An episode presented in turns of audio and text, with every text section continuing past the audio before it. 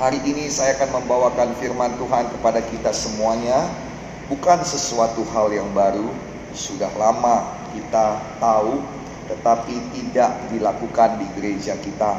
Biarlah hari ini saya bawakan kebenaran firman Tuhan dan kita boleh melakukannya. Dan saudara yang kekasih dalam nama Tuhan Yesus Kristus, hari ini saya mau membawakan kepada saudara firman Tuhan mengenai kata shalom. Semua berkata shalom. Mari kita buka terlebih dahulu dari Mazmur pasal 35 ayat 27. Mazmur pasal 35 ayatnya ke-27. Mazmur 35 ayat 27 demikian firman Tuhan. Biarlah bersorak-sorai dan bersukacita orang-orang yang ingin melihat aku dibenarkan. Biarlah mereka tetap berkata, Tuhan itu besar, dia menginginkan keselamatan hambanya. Sekali lagi, biarlah bersorak-sorai dan bersukacita orang-orang yang ingin melihat aku dibenarkan. Biarlah mereka tetap berkata, Tuhan itu besar dan menginginkan keselamatan hambanya. Nah, Bapak, Ibu, Saudara-saudari yang kekasih di dalam nama Tuhan Yesus Kristus, di sini dikatakan dia menginginkan keselamatan hambanya. Ada keinginan Tuhan di dalam hidup kita. Dan kita tahu saudara bahwa Alkitab mengatakan bahwa tidaklah ia ingin seorang pun binasa. Yang setuju katakan amin. Kita adalah satu gereja yang kuat dalam penginjilan. Yang setuju lagi katakan amin yang keras. Nah, come on, kalau namanya Departemen Present Musik walaupun pakai masker bisa lebih kuat daripada itu. Haleluya. Sekali lagi, kita adalah gereja yang menginjil. Amin. Kita tahu betul kerinduan hati Tuhan adalah agar keluarga kita diselamatkan. Amin. Kita tahu betul kerinduan hati Tuhan agar Indonesia diselamatkan. Amin.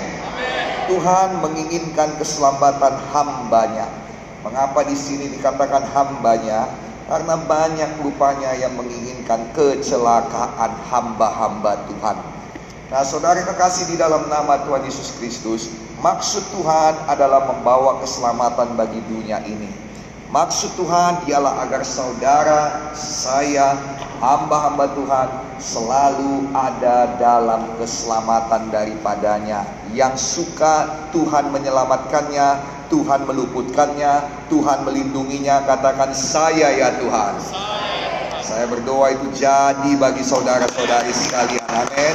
Boleh dong kalau kita tepuk tangan yang paling semangat. Sudah enam bulan kita nggak tepuk tangan, enam bulan nggak amin, kita perlu latihan lagi. Haleluya. Yang semangat lagi. Haleluya. Yang lebih kuat lagi. Haleluya. Nah, saudara yang kekasih dalam nama Yesus di sini dikatakan saudara, biarlah mereka tetap berkata, Tuhan itu besar, Dia menginginkan keselamatan hambanya. Tuhan punya maksud dan tujuan dalam hidup kita. Kita harus mengerjakan maksud dan tujuan Tuhan. Mari kita katakan tiga kali, saya mengerjakan maksud dan tujuan Tuhan. Satu, dua, tiga ya. Saya mengerjakan maksud dan tujuan Tuhan. Saya mengerjakan maksud dan tujuan Tuhan. Saya mengerjakan maksud dan tujuan Tuhan. Amin. Maksud dan tujuan Tuhan tidak boleh gagal dalam hidup hambanya. Bahwa kita haruslah selamat. Kita harus dilindungi. Kita hamba-hamba Tuhan harus selamat untuk membawa keselamatan. Kita harus diberkati untuk memberkati. Yang setuju katakan amin. Nah, tidak ada gunanya hamba-hamba Tuhan sakit, apalagi terkena COVID-19. Tidak ada gunanya hamba-hamba Tuhan sakit, apalagi yang namanya stroke, yang namanya sakit kanker, sakit tumor, sakit-sakit yang membawa kematian. Dalam nama Yesus itu tidak terkena kepada kita semuanya. Yang setuju katakan amin. Tuhan menginginkan keselamatan saudara dan kita harus tahu itu adalah tujuan Tuhan. Tuhan menginginkan kita yang diselamatkan membawa keselamatan kepada orang lain. Nah, sekarang Tuhan punya maksud bagi dunia ini, yaitu Tuhan mau menyelamatkan dunia ini. Dan bagaimanakah cara Tuhan membawakannya itu? Cara Tuhan membawakannya ialah dengan firman-Nya. Firman Tuhan adalah Tuhan sendiri. Firman Tuhan menyelamatkan. Tuhan menyelamatkan. Yang mengerti katakan amin. Nah saudara kasih dalam nama Yesus Ketika firman ditaburkan ada keselamatan Ketika firman ditaburkan ada pekerjaan roh kudus Roh kudus pekerjaannya adalah meneguhkan firman yang ditaburkan Tanpa ada firman Roh kudus hanya melayang-layang di atas permukaan air Kita berkata dalam kejadian pasal 1 Roh kudus sudah siap sedia Tetapi tidak ada karyanya Karena firman belum diucapkan Ketika firman diucapkan, maka sesuatu jadi. Bagaimana cara Tuhan membawakan maksud dan kehendaknya dalam hidup saudara? Bagaimana cara Tuhan membawakan maksud dan kehendaknya dalam hidup gereja? Bagaimana cara Tuhan membawakan maksud dan kehendaknya dalam hidup satu negara, yaitu dengan cara memperkatakan firman. Dalam buku kejadian pasal 1, dia punya rencana, dia punya kehendak, dan cara dia membawanya pada kenyataan ialah berfirmanlah Tuhan. Maka roh kudus mengerjakannya sesuatu jadi. Hari ini saya sampaikan firman Tuhan kepada saudara. Sesuatu jadi dalam hidup saudara. Sesuatu jadi bagi sidang Tuhan ini. Tuhan yang mengerjakannya melalui roh kudus. Dalam nama Yesus, terimalah kehendak Tuhan. Amin. Boleh kita berikan tepuk tangan bagi Tuhan Yesus. Nah saudara kekasih dalam nama Tuhan Yesus Kristus Dikatakan saudara dalam buku Yesaya Pasalnya yang ke-55 ayatnya yang ke-11 Yesaya pasalnya yang ke-55 ayatnya yang ke-11 Mari saya buka kepada kita semuanya. Yesaya 55 ayat 11 Demikianlah firman yang keluar dari mulutku. Ia tidak akan kembali kepadaku dengan sia-sia. Ia akan melaksanakan apa yang kukehendaki dan berhasil dalam apa yang kusuruhkan kepadanya. Nah saudara kekasih dalam nama Yesus kita sudah belajar bahwa firman yang keluar dari mulut Tuhan tidak pernah gagal. Dan itu akan kembali kepadanya. Nah firman yang belum kembali kepada Tuhan itu belum selesai mengerjakan pekerjaan yang dikehendaki Tuhan. Bagaimana caranya supaya firman itu kembali kepada Tuhan agar dia menyelesaikan pekerjaannya yaitu dengan cara mengucapkannya kembali kepada Tuhan. Itu sebabnya doa-doa kita adalah doa yang mengutip firman Tuhan. Doa-doa kita bukan melulu isi hati kita. Doa-doa kita bukan melulu keinginan kita. Doa-doa kita bukan melulu apa yang terjadi pada kita Doa-doa kita bukan melulu permohonan dan permintaan kita. Doa-doa kita adalah mengulangi kehendak Tuhan dalam firman-Nya supaya kehendak Tuhan itu dijadikan dalam hidup kita. Yang mengerti katakan amin. Nah, saudara kekasih dalam nama Tuhan Yesus Kristus, boleh sekali lagi amin yang keras. Iya. Coba lihat kiri kanan saudara dengan tatapan pandangan mata evangelis. Katakan padanya amin yang keras saudaraku. Ya, haleluya. Sekali lagi, haleluya. Belum semuanya awas. Praise and worship, musik dan juga creative art ministry harus awas, harus sigap, harus tanggap dan juga harus semangat. Sekali lagi, haleluya. Salam kemenangan iman. Amin. Shalom. Haleluya. Kita berikan tepuk tangan bagi Tuhan Yesus. Lihat lagi kiri kanannya katakan jangan kurang dari itu. Lebih semangat katakan hey you jangan kurang dari itu.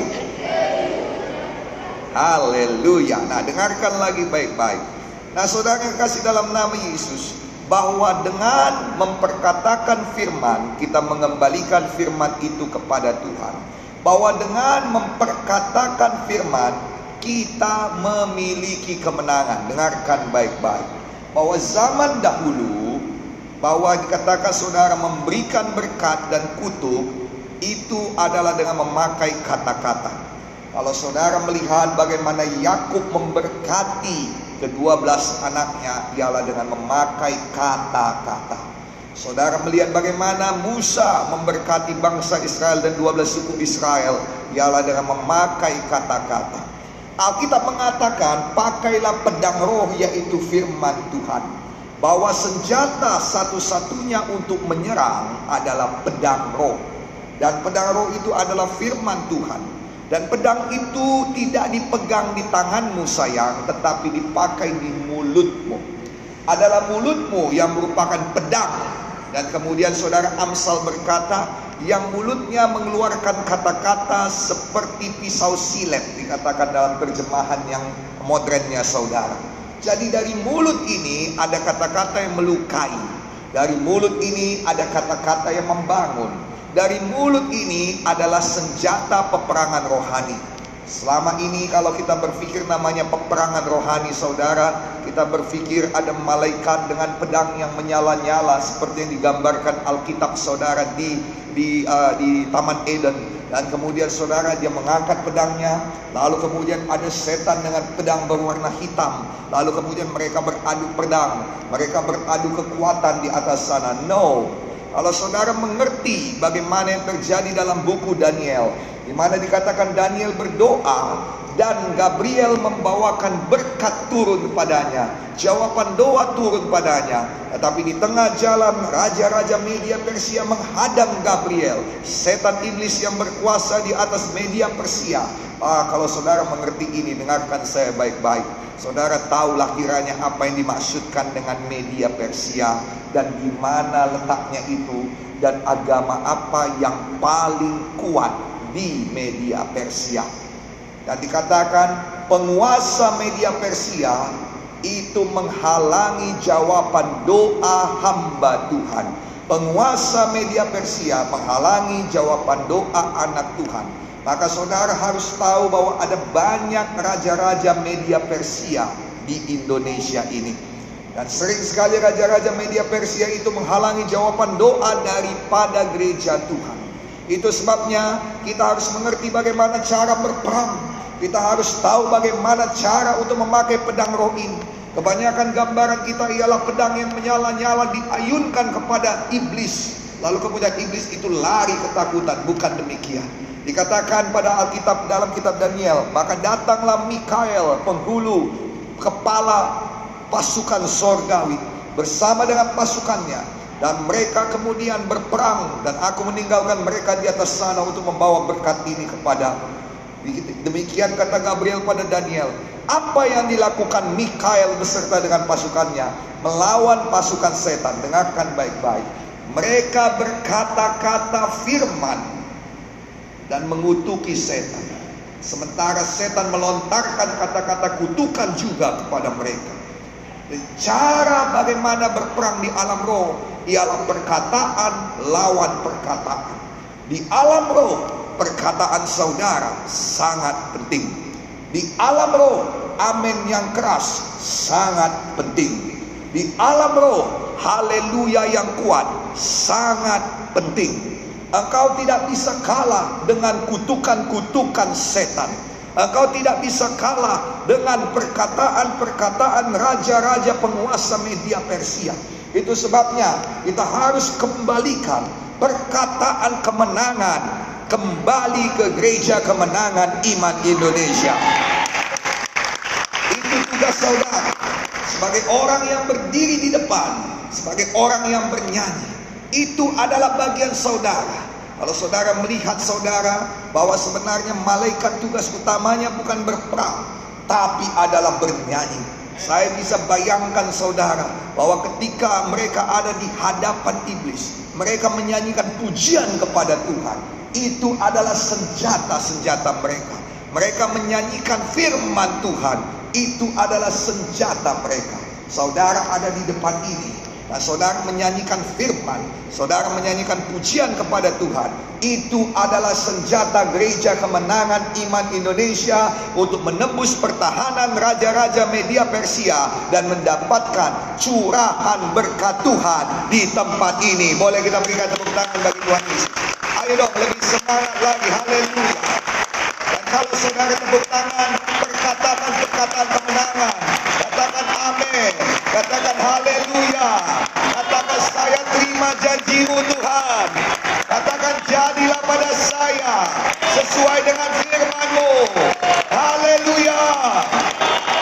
Yang mengerti sekarang katakan amin.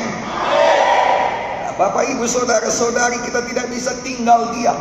Semua yang tinggal diam adalah menjadi sasaran empuk bagi kutukan-kutukan setan. Itu sebabnya kita tidak biarkan kutukan itu mengena pada kita. Kita tidak biarkan kutukan itu mengena kepada gereja kita. Dengarkan baik-baik. Ketika Tuhan mau melaksanakan, ketika Tuhan mau mengerjakan maksudnya, maka dia datang dengan firman-Nya dan dia datang kepada hambanya.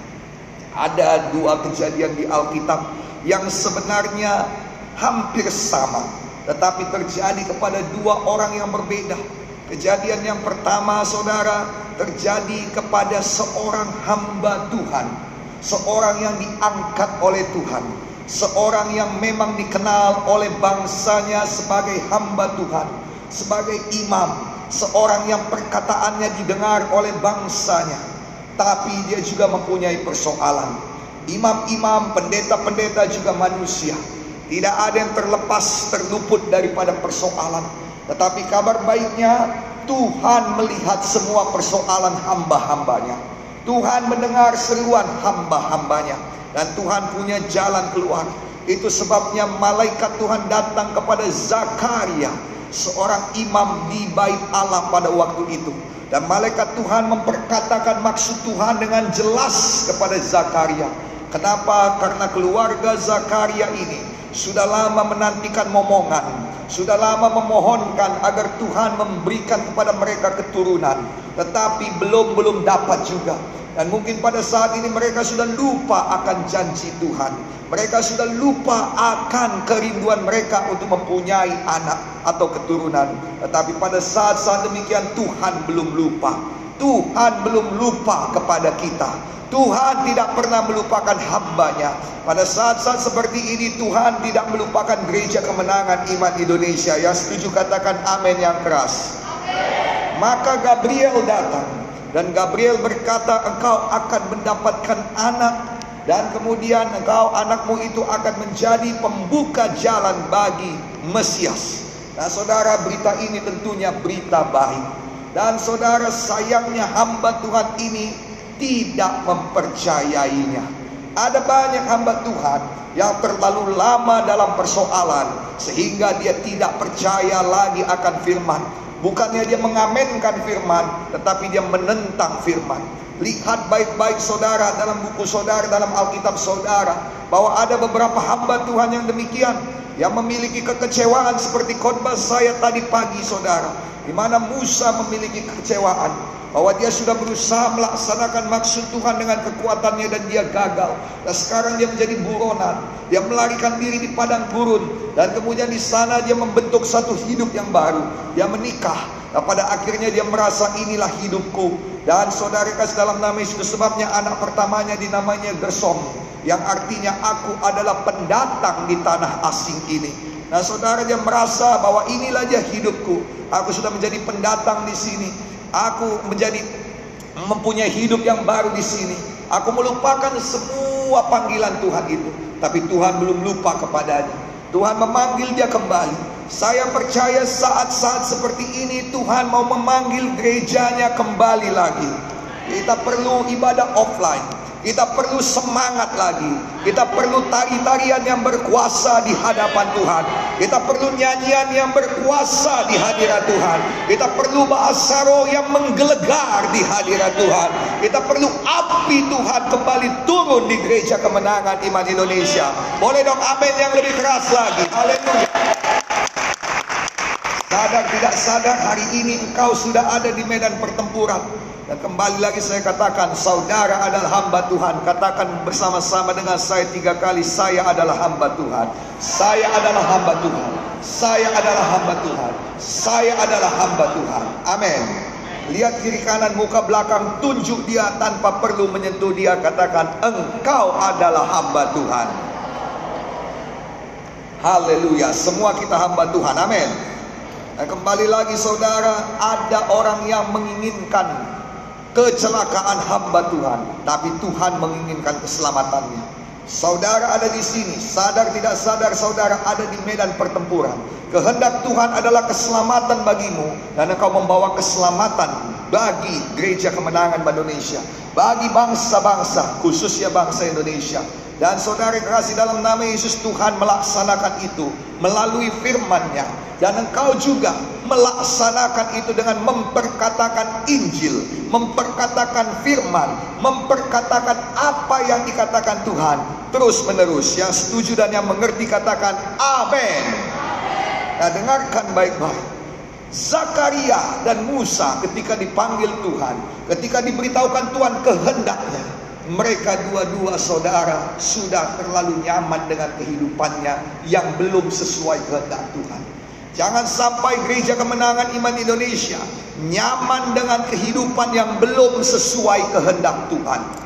Tuhan mau kehendak Tuhan dinyatakan 100% di gereja kemenangan iman Indonesia. Tuhan mau kehendak Tuhan dinyatakan 100% pada saudara, 100% kepada saudara. Nah, saya tidak mengatakan engkau tidak hidup di dalam kehendak Tuhan. Saya percaya semua kita berjalan pada kehendak Tuhan. Ada yang sedang di 20%, ada yang di 50%, ada yang di 90%. Tapi Tuhan mau kita 100% menerima maksud dan kehendak Tuhan. Boleh dong berikan tepuk tangan bagi Tuhan Itu sebabnya Tuhan berikan firman. Tuhan berikan firman. Tuhan berikan firman. Supaya dalam firman ada pengajaran. Dalam firman ada perubahan. Dalam firman ada maksud Tuhan. Dalam firman ada kehendak Tuhan. Dalam firman ada pengertian. Dalam firman ada kehidupan. Dalam firman ada pergerakan. Sehingga saya dan saudara bisa sampai pada maksud Tuhan tersebut. Amin. Lihat baik-baik Musa punya banyak alasan. Sehingga satu ketika entah alasan yang keberapa. Saya lupa mungkin yang keempat atau kelima Alkitab jelas berkata begini maka murkalah Tuhan terhadap Musa. Dan dalam ayat lain dikatakan maka Tuhan berikhtiar untuk membunuh Musa. Sering sekali saudara kita menjadi lawan Tuhan dan berdiri di pihak setan. Bukan karena kita benci Tuhan. Bukan karena kita cinta iblis.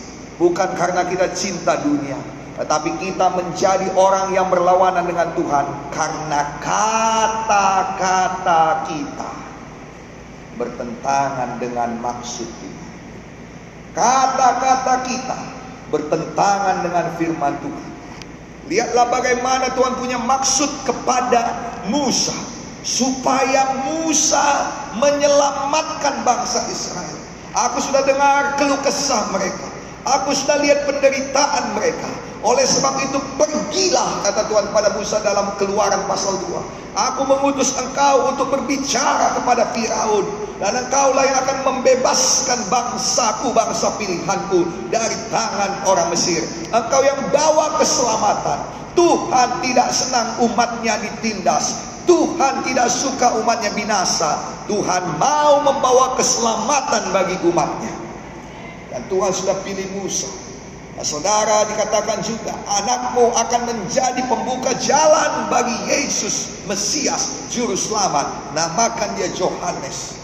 Tetapi saudara Zakaria punya banyak-banyak alasan. Tahukah saudara, setiap perkataan kita yang tidak sesuai firman, keluh kesah kita yang tidak sesuai firman, ideologi, pemikiran kita, oh kita melihat pada fakta, kita melihat pada masa lalu, kita melihat pada kebiasaan, kita melihat pada sejarah kita. Inilah yang membentuk kita saat ini. Inilah yang membentuk seorang Musa saat ini.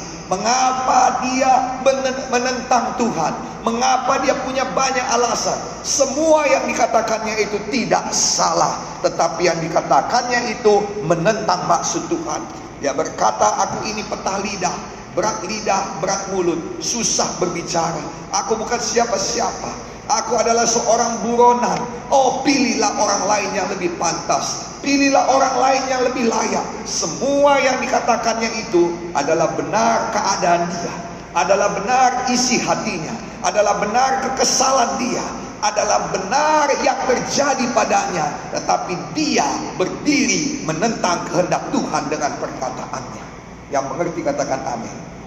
Kehendak Tuhan ialah supaya Yohanes membaptis, membuka jalan bagi Tuhan. Dan Tuhan sudah pilih hambanya. Dari hambanya ini akan datang satu keturunan yang membukakan jalan bagi Tuhan. Rencana Tuhan adalah menyelamatkan dunia melalui Mesias Yesus Kristus. Dan Yesus Kristus hanya bisa datang apabila ada jalan dibukakan baginya. Yohanes Pembaptis membuka jalan dan saudara Elizabeth istri Zakaria yang mandul itu akan mendapat kehormatan untuk boleh melahirkan anak yang membukakan jalan bagi Tuhan.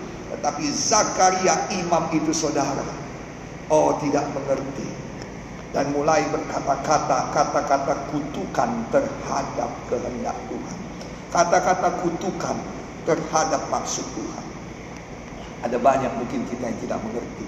Itu sebabnya mulai sekarang Biasakan sambut firman Tuhan. Biasakan sambut panggilan Tuhan. Biasakan sambut dengan pengertian Bukan sambut begitu saja Sikit-sikit amin Gak ngerti pun amin Bukan demikian. Tapi menyala dalam hati saudara.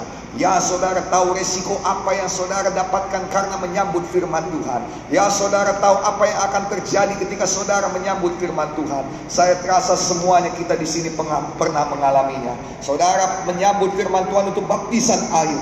Ya, saudara belum permisi kepada orang tua saudara. Saudara tahu ketika pulang nanti resiko apa yang menanti saudara. Tetapi saudara tetap menyambut panggilan Tuhan. Menyambut rencana Tuhan dalam hidup saudara. Saudara sambut panggilan Tuhan untuk ikut kreatif art ministry. Saudara tahu ada orang-orang yang tidak suka, tetapi saudara sambut panggilan Tuhan dan saudara meriskankan kehidupan saudara, meriskankan hati saudara dan saudara membela pekerjaan Tuhan. Kiranya Tuhan melindungi saudara, kiranya Tuhan melaksanakan maksudnya dalam hidup saudara dan melalui saudara maksud Tuhan atas gereja Tuhan dijadikan dan dinyatakan.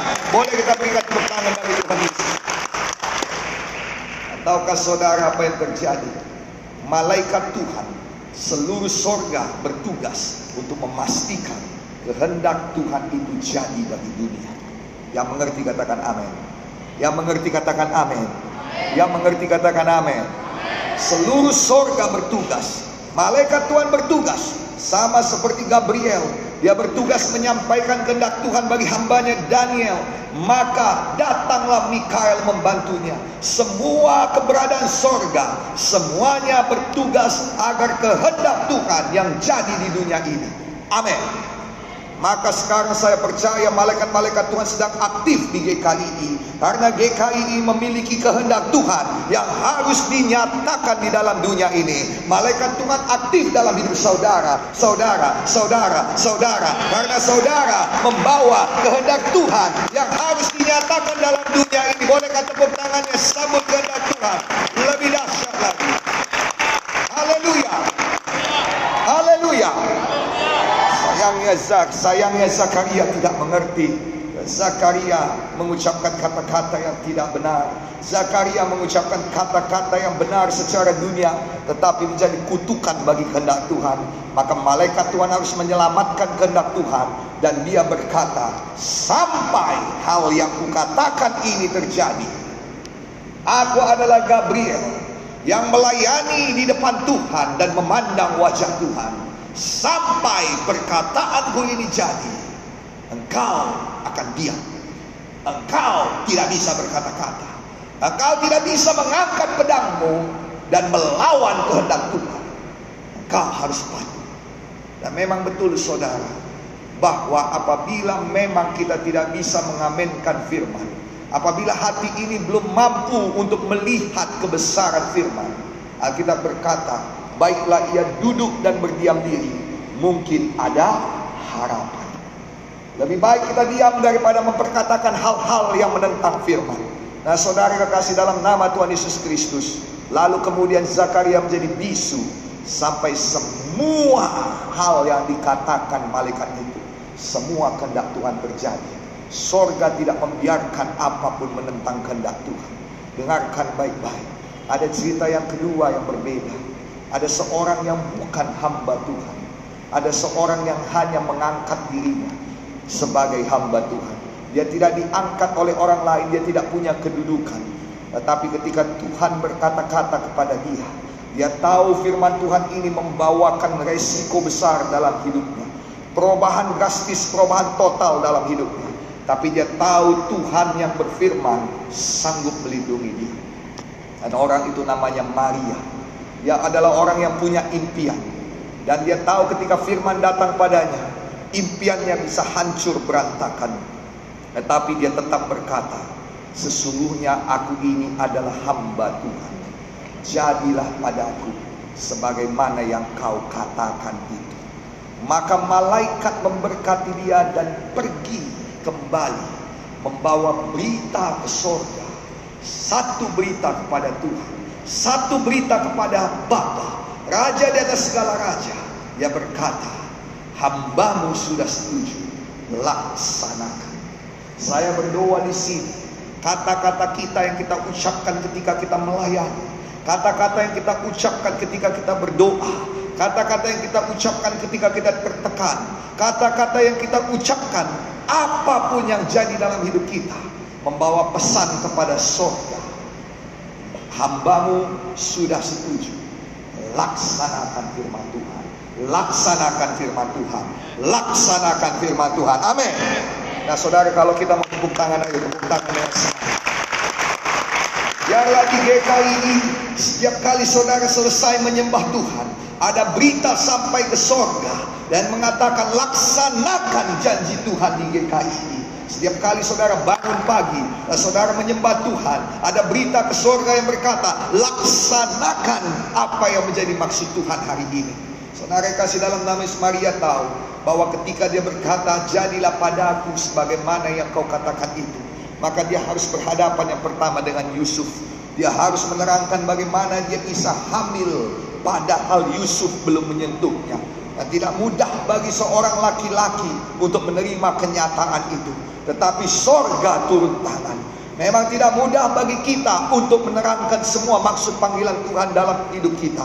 Tetapi sorga akan turun tangan. Sorga akan bergerak demi maksud Tuhan dalam hidupmu. Sorga akan bekerja demi maksud Tuhan dalam hidupmu. Sambut maksud Tuhan. Amin. Maria tahu dengan menyambut maksud Tuhan. Dia ada di dalam ancaman dirajam sampai mati. Karena bagi wanita Israel yang hamil di luar nikah, hukumannya adalah mati. Tetapi saudara dia tetap percaya kepada Tuhan dan Tuhan melindungi dia. Dengarkan, saat ini nama Maria begitu begitu terkenal. Bahkan satu agama yang menyembah Kristus mengambil Maria sebagai sosok yang sangat dimuliakan juga. Ada agama lain yang besar juga di dunia ini yang mempunyai surat Maria di dalam buku sucinya. Nah saudara yang kasih dalam nama Yesus demikianlah Tuhan memuliakan orang yang mengatakan jadilah padaku sebagaimana yang kau firmankan. Yang mulutnya memperkatakan maksud Tuhan. Dengarkan sayang, gereja ini perlu maksud Tuhan. Yang mengerti katakan amin. Saudara perlu maksud Tuhan. Mari saya bacakan sekali lagi tadi ayat kita dalam Mazmur 35 ayatnya yang ke 27 tadi. Mazmur 35 saya buka kembali Mazmur 35 ayatnya yang ke-27 tadi. Nah, saudara di sini dikatakan biarlah bersorak-sorai dan bersuka cita orang-orang yang ingin melihat aku dibenarkan. Biarlah mereka tetap berkata, Tuhan itu besar, Dia menginginkan keselamatan hambanya. Biarlah ada sorak-sorai dan sukacita orang-orang yang melihat bahwa apa yang dikerjakan Tuhan dalam diri kita saat ini, bahwa apa yang dikerjakan Tuhan di GKI saat ini adalah benar adanya di mata banyak orang-orang yang mengatakan bahwa kita ini sesat, yang mengatakan bahwa yang kita kerjakan ini bukan kehendak Tuhan. Biarlah orang-orang melihat, biarlah kita melihat bahwa apa yang dilaksanakan Tuhan di GKI mulai saudara mulai banyak tanda-tanda didatangkan Tuhan mulai daripada Tuhan mendatangkan orang besar seperti Menteri Hukum dan HAM kita kemarin Bapak Yasona Lauli. Sampai di mana saya pergi saudara ke desa Kutalim Baru. Enam bulan mereka tidak mempunyai hujan sama sekali. Katakan tanah-tanah kering. Dikatakan saudara sawah-sawah semuanya mengering. Dan mereka tidak bisa bertanam. Tetapi kemudian ketika saya datang ke sana membawakan firman Tuhan baru-baru ini saudara apa yang terjadi? Dikatakan hujan deras mengguyur dari langit. Dan semua orang terkejut. Dan semua orang bahkan yang non Kristen pun berkata siapa yang baru datang tadi? Dia sungguh berkuasa. Kita sudah minta kepada dewa kita. Kita sudah ber, ber, ber, berdoa menurut agama dan kepercayaan kita. Tetapi tidak ada jawaban. Tapi orang itu datang. Pendeta klien datang. Dan tiba-tiba langit menurunkan hujan. Tuhan tunjukkan bahwa Tuhan mau bekerja melalui hamba-hambanya. Boleh dong kita berikan tepuk tangan saudara lihat GKI semakin baik tetapi tetap ada orang-orang yang jahat yang mau namanya ditinggikan tapi kita mau nama Tuhan ditinggikan itu sebabnya di sini dikatakan biarlah mereka tetap berkata itu sebabnya di GKI kita perlu tetap berkata, tetap memperkatakan. Semua berkata, tetap berkata. Kurang semangat, tetap berkata.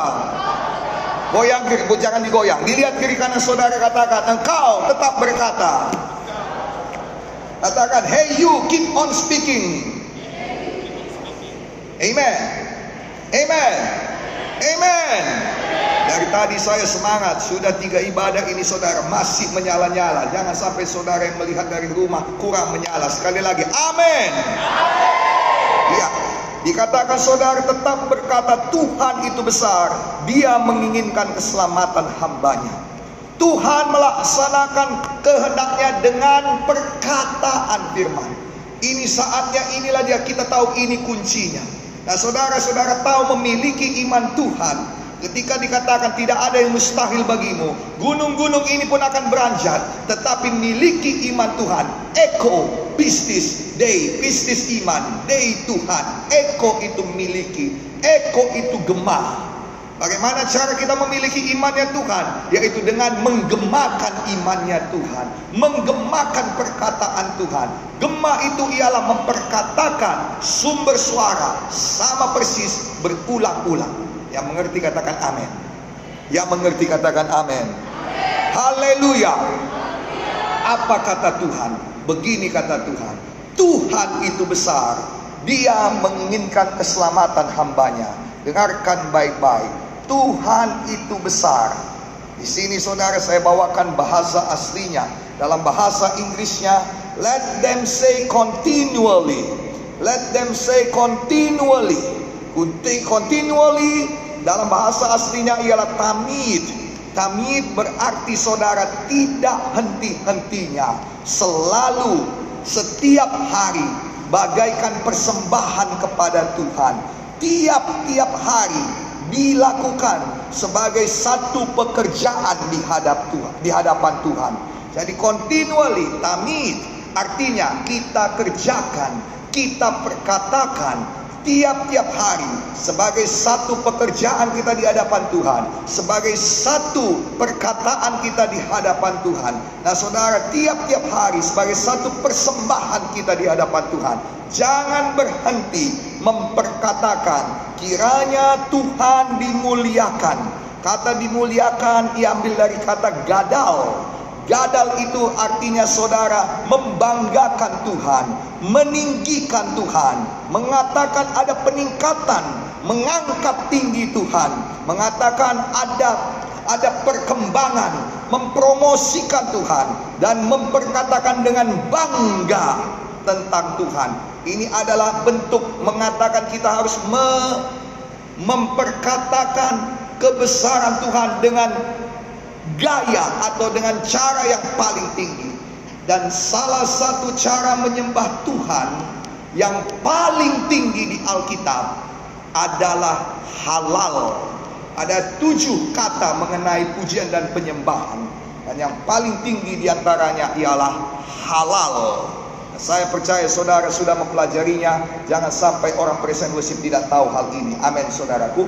Jadi kata halal itu dari situlah itu adalah pengagungan tertinggi kepada Tuhan dan dari kata halal itu turunlah kata haleluya. Yang mengerti katakan amin. Kurang semangat. Yang mengerti katakan amin. Tahukah saudara apa arti amin? Amin itu artinya seperti yang dikatakan Maria. Sebab aku ini hamba Tuhan, jadilah padaku sebagaimana yang kau katakan itu. Haleluya. Jadi itu adalah senjata peperanganmu. Setiap kali ada firman Tuhan yang kau dengar, jangan seperti Zakaria. Jangan seperti Musa, tetapi katakan amin. Sebab aku ini hamba Tuhan, jadilah padaku seperti yang kau katakan itu. Ada amin di sini. Amin. Lebih semangat lagi, ada amin di sini. Amin. Jadi gadau adalah satu pernyataan yang berkata kalau engkau mau dibenarkan, kalau maksud Tuhan mau dijadikan dalam hidupmu, maka engkau harus memuliakan Tuhan. Itu sebabnya kita selalu memperkatakan ini haleluya. Haleluya artinya kemuliaan bagi Tuhan dalam segala perkara. Halal artinya aku menyembah Tuhan dalam segala perkara. Aku menaikkan korban ucapan syukurku kepada Tuhan. Dalam segala situasi aku sembah Tuhan. Ini adalah pujian penyembahan yang tertinggi kepada Tuhan. Walau hatiku tertekan. Walau keadaan situasi tidak seperti yang kuinginkan. Tetapi tetap haleluya. Sekali lagi haleluya. Iya. Yang mengerti katakan amin. Dalam segala hal ketika kita berkata haleluya, kemuliaan bagi Tuhan. Tahukah saudara selama ini kita punya sapaan haleluya dan itu dijadikan. Melihat apa yang terjadi di gereja kita ini, kalau bukan karena haleluya kita yang kuat, tentunya kita sudah pecah. Tentunya kita sudah hancur berantakan.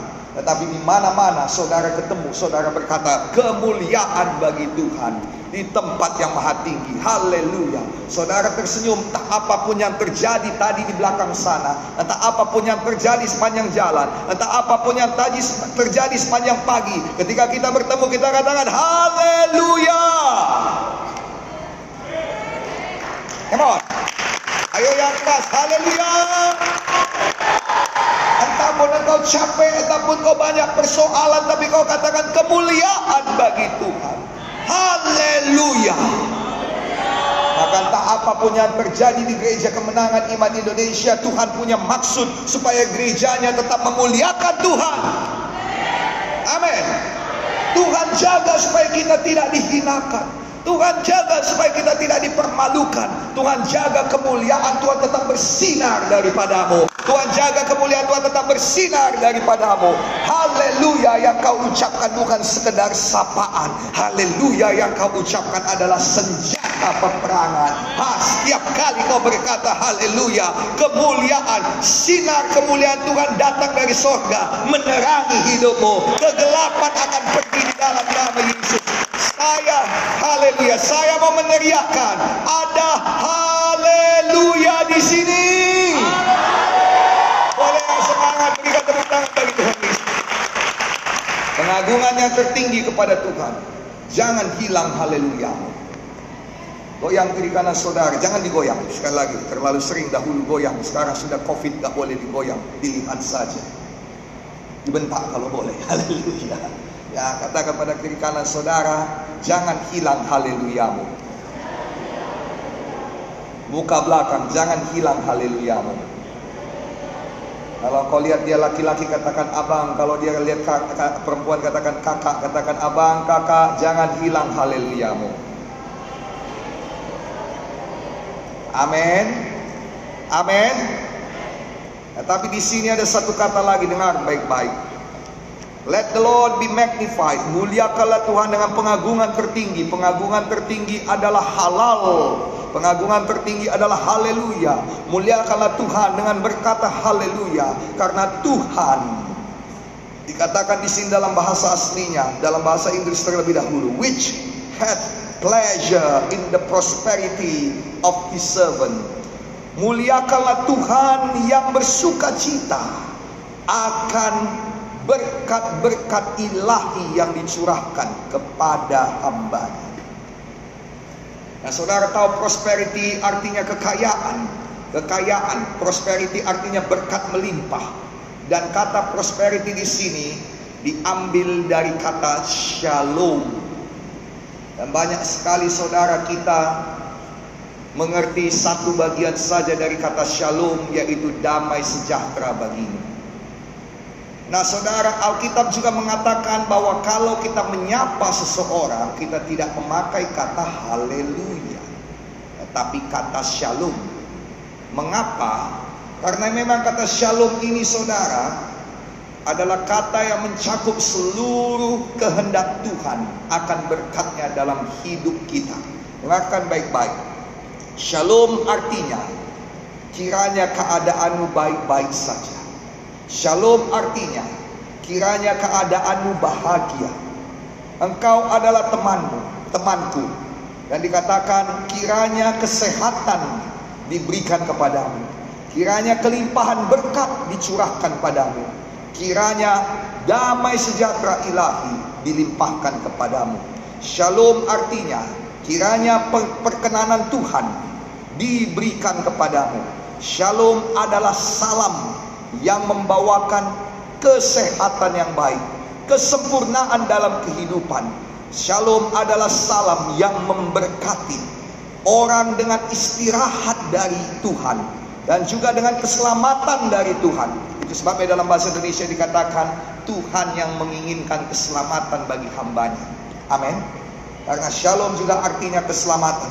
Shalom artinya kekayaan ilahi memenuhi seluruh hidupmu. Shalom adalah salam untuk keseluruhan hidup. Itu sebabnya Tuhan memerintahkan jika engkau pergi ke rumah, jika engkau ketemu dengan seseorang, berikan pada mereka berkat yang tertinggi. Kalau namanya pujian pengagungan yang tertinggi adalah halal, haleluya. Yang mengerti katakan amin. Tetapi berkat yang tertinggi adalah shalom itu sebabnya orang Arab pun memakai ini. Dalam bahasa Ibrani, Shalom alaihim. Jawabannya, alaihim shalom. Dalam bahasa Arab, Assalamu alaikum.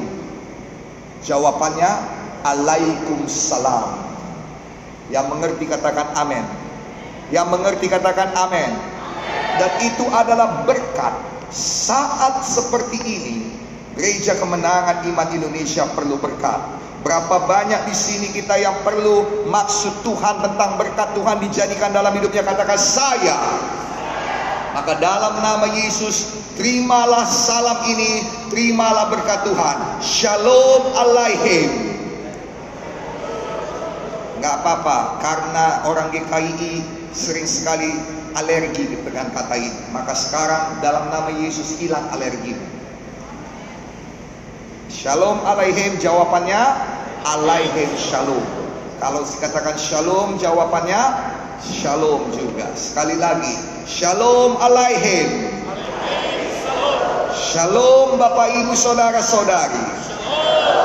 Amin. Boleh lebih semangat lagi yang menerima berkat Tuhan sepenuhnya. Shalom alaihim. Shalom Bapak Ibu Saudara-saudari.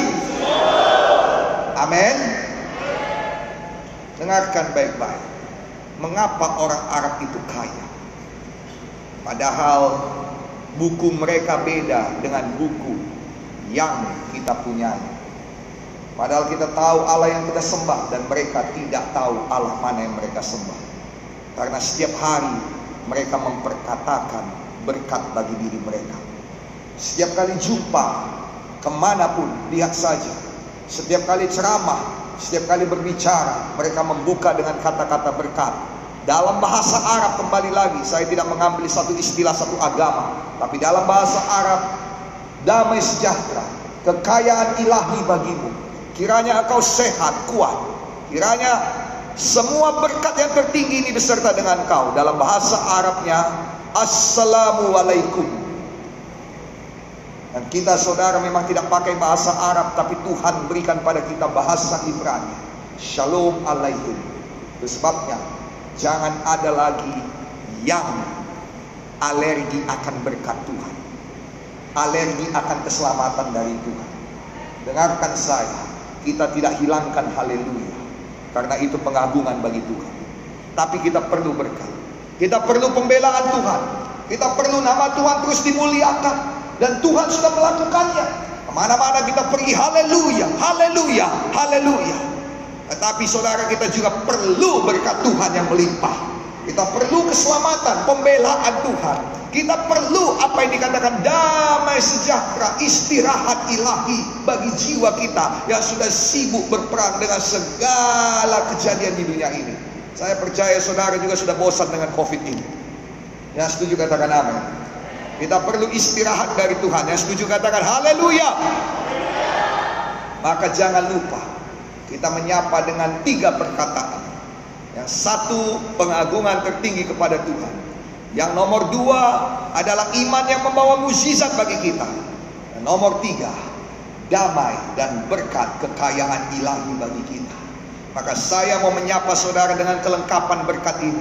Sapaan kita, ucapan kita, ini adalah pedang roh kita yang kita ucapkan setiap hari melawan semua kutukan setan, melawan semua perkataan setan, melawan semua apa pun yang dibawakan setan dalam hidup kita hari ini.